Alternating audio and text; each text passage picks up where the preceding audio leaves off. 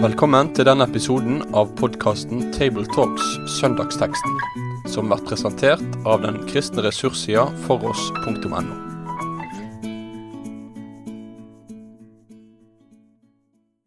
Da er det en glede å ønske velkommen til nok en episode av Tabletalks fra Bergen. Vi skal gå gjennom teksten for treenighetssøndagen. Rundt bordet her sitter jeg, som heter Tarjei Gilje og er redaktør i Dagen. Her sitter òg Rolf Kjøde, som er leder for strategisk utvikling ved NLA-høgskolen, og Jon Magne Sønstabø, som er prest i Delk-menigheten her i Bergen.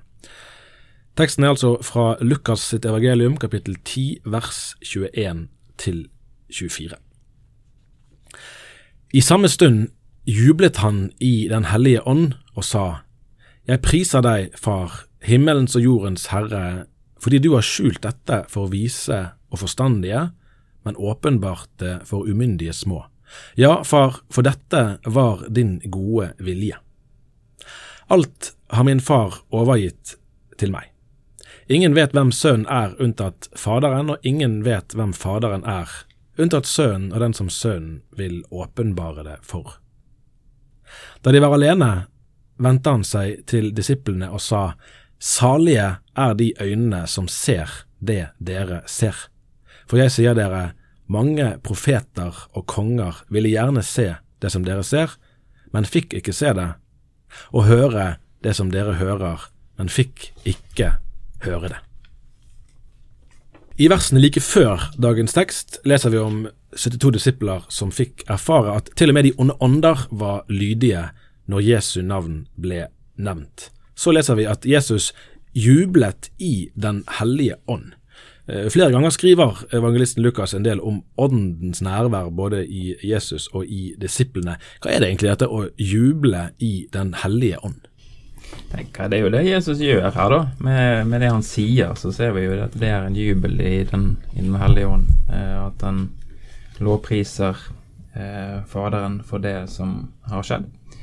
Eh, og jeg tenker også det at å juble i Den hellige ånd er vel mye av det vi leser om i Salmenes bok.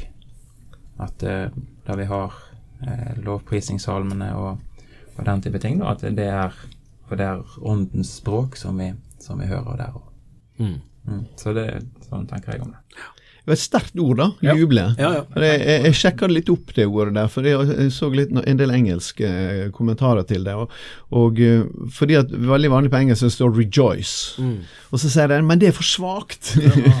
Eh, men dette juble, det er, det er, nesten, det er noe enda sterkere i det.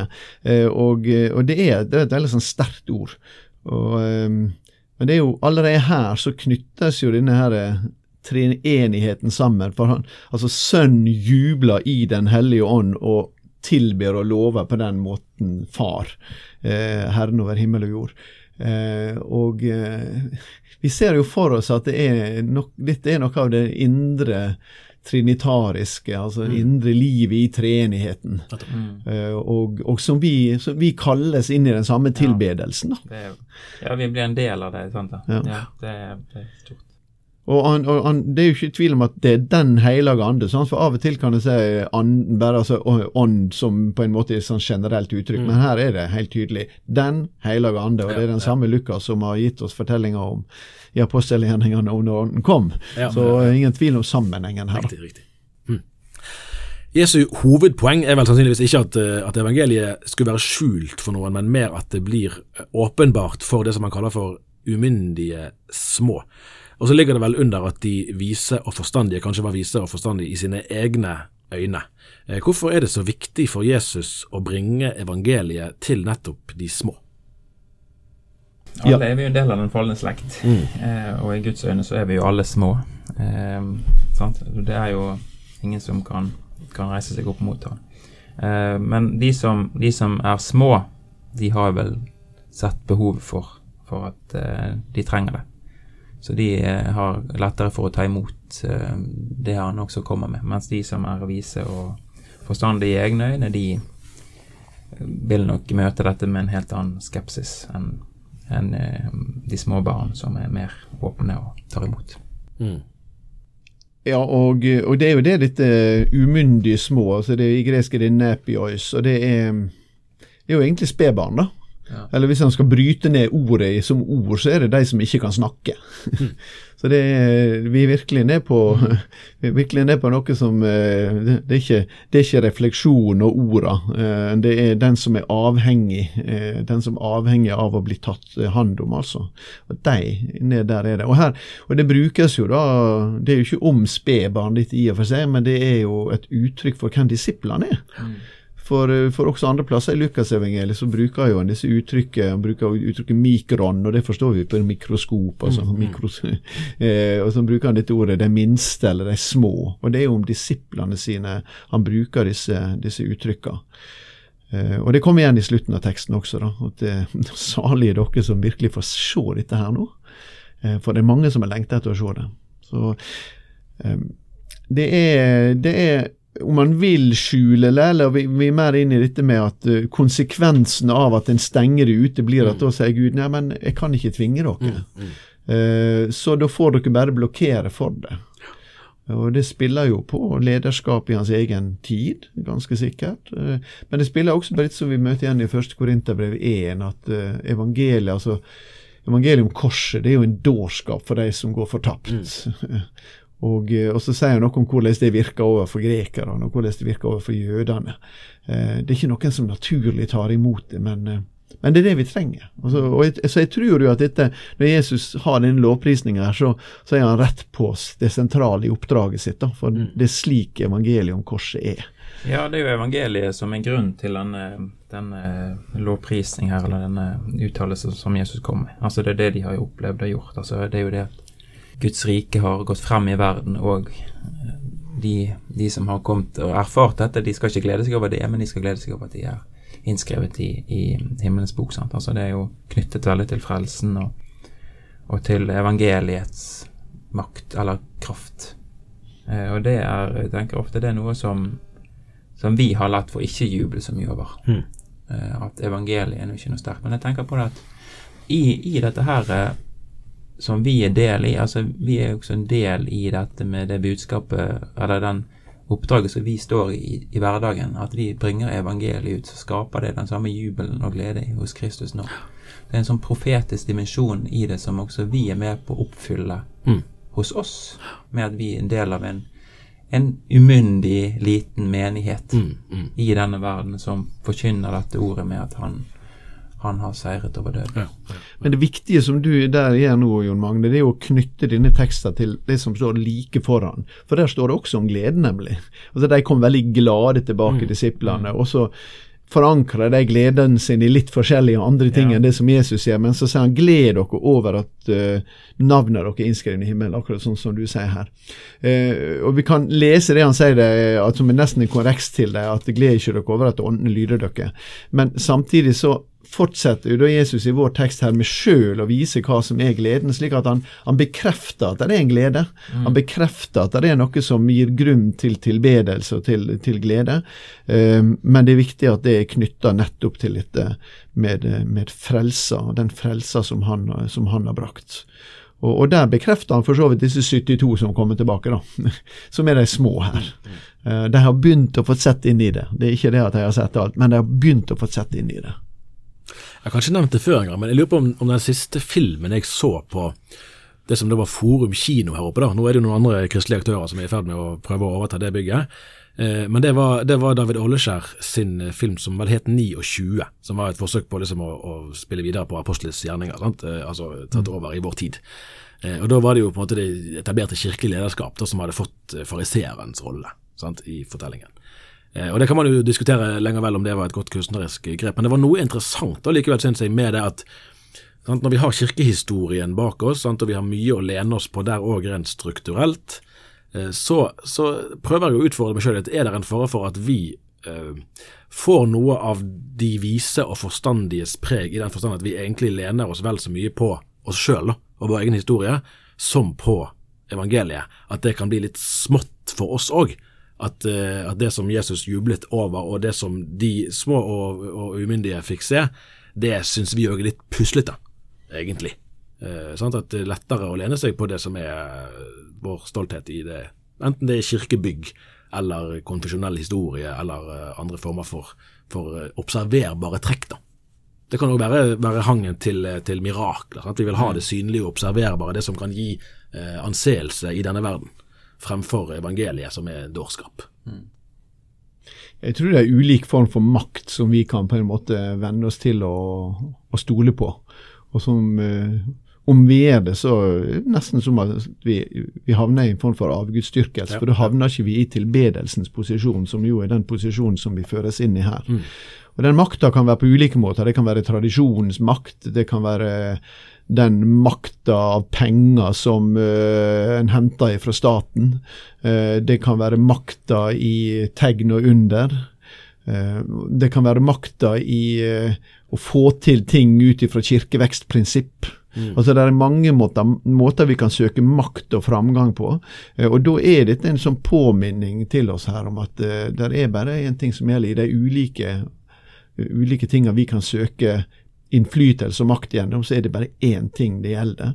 Uh, og det er å være i Han og bringes inn i denne relasjonen til den treenige Gud. og og vektlegge frelsens, eh, frelsens spørsmål, altså. slik som Jesus taler om det her. For dette er jo en tekst om at, om at, når Jesus har kommet nå, så er det skjedd en helt ny åpenbaring. Altså Vi ser alt det som har gått før, det ser vi i et nytt lys. Og Det er det vi må bedrive som kristen kirke. Vi må bedrive, vi må drive på evangeliet. Så dette her er lyset som kan kastes inn i alt mørke. Eh, kastes også inn i vår verden. Mm. Der må jeg si amen. Så får vi jo en, en aldri så liten dose trinitarisk gudsforståelse i Jesu uttalelser her. Vi får et lite glimt inn i det som, som forblir et av kristendommens virkelig store mysterier, nemlig de innbyrdes relasjonene i treenigheten. Eh, opplever dere at forståelsen av Gud som Fader, som Sønn og som Hellig Ånd har kommet under press i Kristen-Norge i dag? Det spør jeg om fordi jeg lurer på hvor sterkt ja, den grunnleggende gudsforståelsen, dogmatikken, egentlig står. Eh, og i kirker som formelt sett ikke har eh, forandret noe ting av sin eh, profilering der. Ja, jeg tror jo alltid det at Ja, jeg tror det er under press. men jeg tror også at dogmen alltid er under press. Ja, man står i en konstant kamp om, mm. om den sanne, rette lære. Og jeg tror at sånne søndager som dette her, med, med nå er det begynnelsen på treenighetstiden, sant? veksttiden i kirkeåret, at uh, den som forkynner over disse, uh, disse tekstene her, med frimodighet kan, uh, kan, snakke om treenigheten på en sånn søndag som dette. Utdype de tingene som, som tales her, og gi menigheten også undervisning om det. Både om treenigheten, om eklesiologi, sant? menighetsteologi kan en ta fram her, og også kristologi. Sant? Altså det er veldig sterke kristologiske utsagn som kommer i teksten her. Og det trenger folk at en, at en ruster deg mot uh, det som kommer. Men istedenfor å gjerne tale mot alle disse avvikene som kommer, så må en holde frem hva er det ja. vi, vi, tror. Nettopp. Bruk trosbekjennelsene eh, som vi har. Tal eh, ut fra det. Hva lærer Kirken? Hva har Kirken lært gjennom historien, og hva, hva er det som, som, bærer gjennom historien? Og der er liturgien en god hjelp til vekkelsen, at de to går hånd i hånd. at en kan mm kan eh, bevare kirken på den måten. Det er også slik, eh, altså det er jo interessant i det økumeniske klimaet for tida at en, en, der drøfter en veldig mye dette med den treenigheten, altså å, å en, ha en trinitarisk teologi. Noen ganger så lurer jeg på om det betyr at vi på en måte skal forrykke dens, eh, altså vår kristologiske basis, vår basis i, i Jesu, i, i, i Sønn og hans verk. Og, og, hvis trinitarisk betyr at vi skal løsrive det for det, så blir jo ikke det det blir, blir ikke bra. Eh, men det må kunne gå an å holde holde det sammen, og, og, og, det tror jeg en del gjør i den økumeniske samtalen for tida. Så det, vi er iallfall inne i et samtaleklima mellom kirkesamfunnene uh, når det gjelder det, og det spiller f.eks. inn også på misjonsteologien. Mm, mm. Hva betyr det for misjonsteologien at uh, vi har en treenig Gud, Fader, Sønn og, og Hellig Ånd? Det som jeg syns har vært veldig fint med dette over år nå med treenighetsteologien, det er at for mange år siden så var det slik at treenighetsspørsmål det var en sånn intellektuell knute. altså, kan du forklare den? Det er en knute fremdeles. Ja det, fort, ja, det er fortsatt en knute, men vekta på en måte var det å forsvare treenigheten, og så fant vi noen måter å forsvare den på. Det fant, fantes noen vakre bilder fra oldkirka vi kunne bruke, og, og med, med, sola og strålene og varmen og lyset, og, som alt var ett, og så kunne vi likevel dele det opp. Og, og det, det, er bra, det. Vi skal, vi skal lete etter de modellene. Men det som iallfall jeg over en del år nå har uh, begynt å se som en ressurs for oss i, den tre, i treenighetsteologien, det er at den handler om at Gud er en evig relasjon. Han er en gutt, han er en evig kjærlighetsrelasjon. Fader, Sønn og Hellig Ånd elsker hverandre, ærer hverandre. Eh, og det er, ikke, det er ikke, evig, ikke en evig stillhet før jorda blir til, men det er et evig forhold. Det er en evig kjærlighet.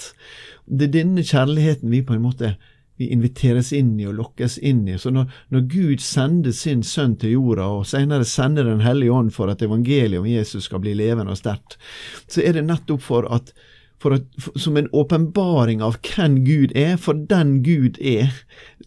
Det er det som også kommer til uttrykk i, i frelsesforståelsen, nemlig at han kaller oss inn i dette fellesskap av kjærlighet. Og det, det, er noe fint med det, og dette har vi også fra sterke sånne uttrykk for alle i teologien, iallfall på 300-tallet etter Kristus, eh, som legger vekt på dette som også ofte kalles for dansen. Altså, det, er sånn, det er en sånn evig relasjon mellom, mellom Fader, Sønn og Hellig Ånd, eh, som, gir en, som, gir en, forståelse av Gud som er veldig forskjellig f.eks. For fra islam, da, sin monisme. Mm, mm uh, som egentlig ikke har noe sånt. Eh, der, der, Guds kjærlighet kan ikke være evig, på en måte, fordi at, fordi at det var ingen å elske evig. Mm, mm. Og det, det, er et fint perspektiv, ja. syns jeg, med dette. Og det er faktisk, faktisk, Hvis du går inn i noen sider av jødedommen i historien, så går det an å finne også noen av disse tankene innenfor noen deler av jødedommen, der en har drøfta nettopp disse spørsmålene om, om Gud er fleir om Gud er fleirholdig med tanke på hvem Gud virkelig er som den rettferdige, den hellige, den, den, den, den kjærlige. Eh, hvordan kan han være det uten relasjon? Mm. Det, er, det, er, et fint perspektiv for oss som vi kan bringe inn i det. Ja, virkelig, virkelig. Jeg tror i hvert fall at det er viktig for um, altså Jeg tror det hadde vært god hjelp til folk å få hørt mer forkynnelse ut fra om dette her. Altså. Mm. Jeg, det tror jeg. Altså, jeg, jeg, for, for, min del i det siste året så har jeg vært mye borti dette her med den treenige Gud som den Gud som gir seg selv gjennom tre personer. Ja. Så at mm. han gir seg selv til oss som Faderen i alt det skapte. Mm. Alle de gode gavene rundt oss. Uh, han er den som gir seg selv til oss i Sønnen. I forsoningsverket og frelsen.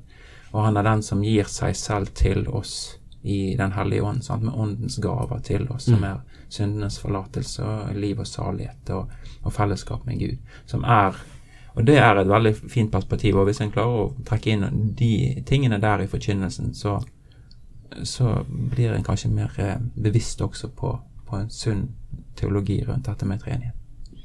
Og at det er hele den treenige Gud som er der i mm. skapelsen. Ja. Og at det er hele den treenige Gud som er der i Kristi forsoningsverk. Og at det er hele den treenige Gud som er der når Ånden åpenbarer Kristus for oss og, og, og leder oss.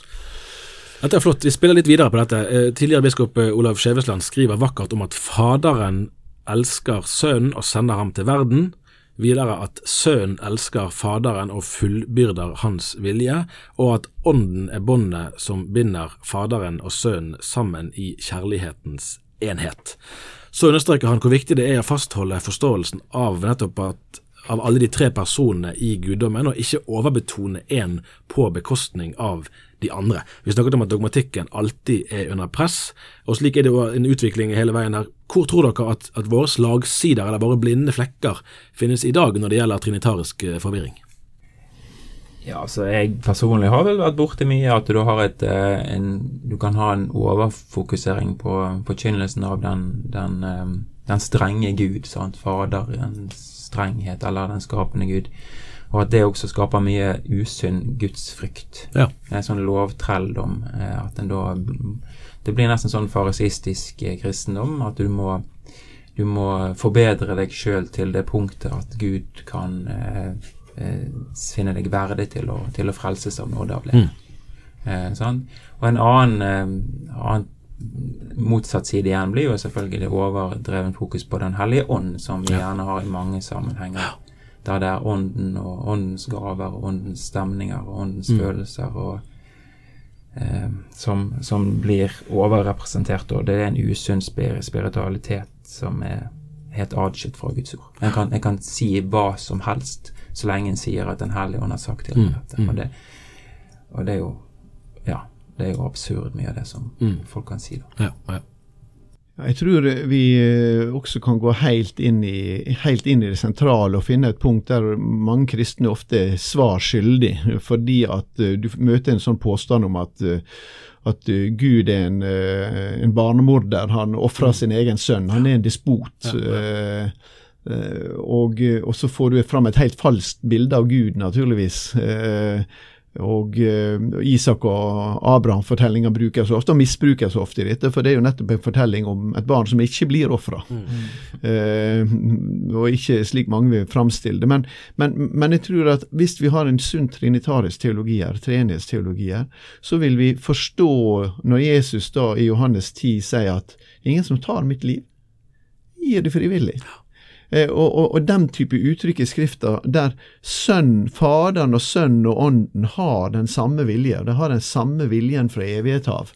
Det er ikke slik at den ene på en måte er en despot overfor den andre, men det er slik at den treenige Gud har en felles frelsesvilje i verden, som er at Faderen overgir Sønnen til det som Sønnen gir seg sjøl til. Eh, og, og, her er, et- men her er et sånt punkt som en del kristne sliter med å forsvare helt inn i det sentrale av trua, fordi at du veldig fort får fram den påstanden om at Gud er bare en sånn der, eh, avbilde av en menneskelig despot som, som, som krever eh, offer og blod og, og hva det måtte være. Mens i realiteten så er det snakk om at det er Gud som gir seg sjøl for våre synder. Precis. Eh, og det er Guds ene eh, store tanke og plan. Ja, og så gir han seg sjøl for at vi skal komme inn i dette fellesskapet med han i, Nemlig. i Kristus. Og det Hadde vi forkynt mer av det, så tror jeg det hadde forløst veldig mye eh, i, i, i, i menigheten. Ja, ja, ja. ja, for Det føles nesten, nesten ironisk å si det. altså Kirken bærer Kristi navn, sånn at vi kaller oss kristne. Eh, Men jeg lurer på om, om eh, i dag om jeg vil si liksom at det er egentlig forkynnelsen av Kristus som er det største underskuddet. Eh, At du kan, du kan på den ene siden ha, ha en sånn skaperforståelse sant, som er allmenn, og alle mennesker er skapt i Guds bilde osv., som er litt, kan være ufarlig, men som også kan ha den strenge eh, dimensjonen. Eller du kan få en, en veldig sterk betoning av Den hellige ånd, og, og, og at Den hellige ånd blir selve hovedsaken.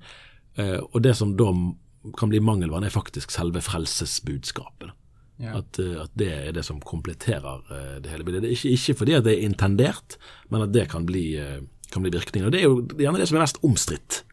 Det er der troens anstøt, evangeliets anstøt, blir synlig, og da faller vi kanskje lett for fristelsen til å, å snakke om ting som er mindre, mindre utfordrende. Da. Men Så har du også den religiøse moralismen, da, som utelukkende vektlegger Gud, og nærmest som et deistisk allment Ja. gudsbilde.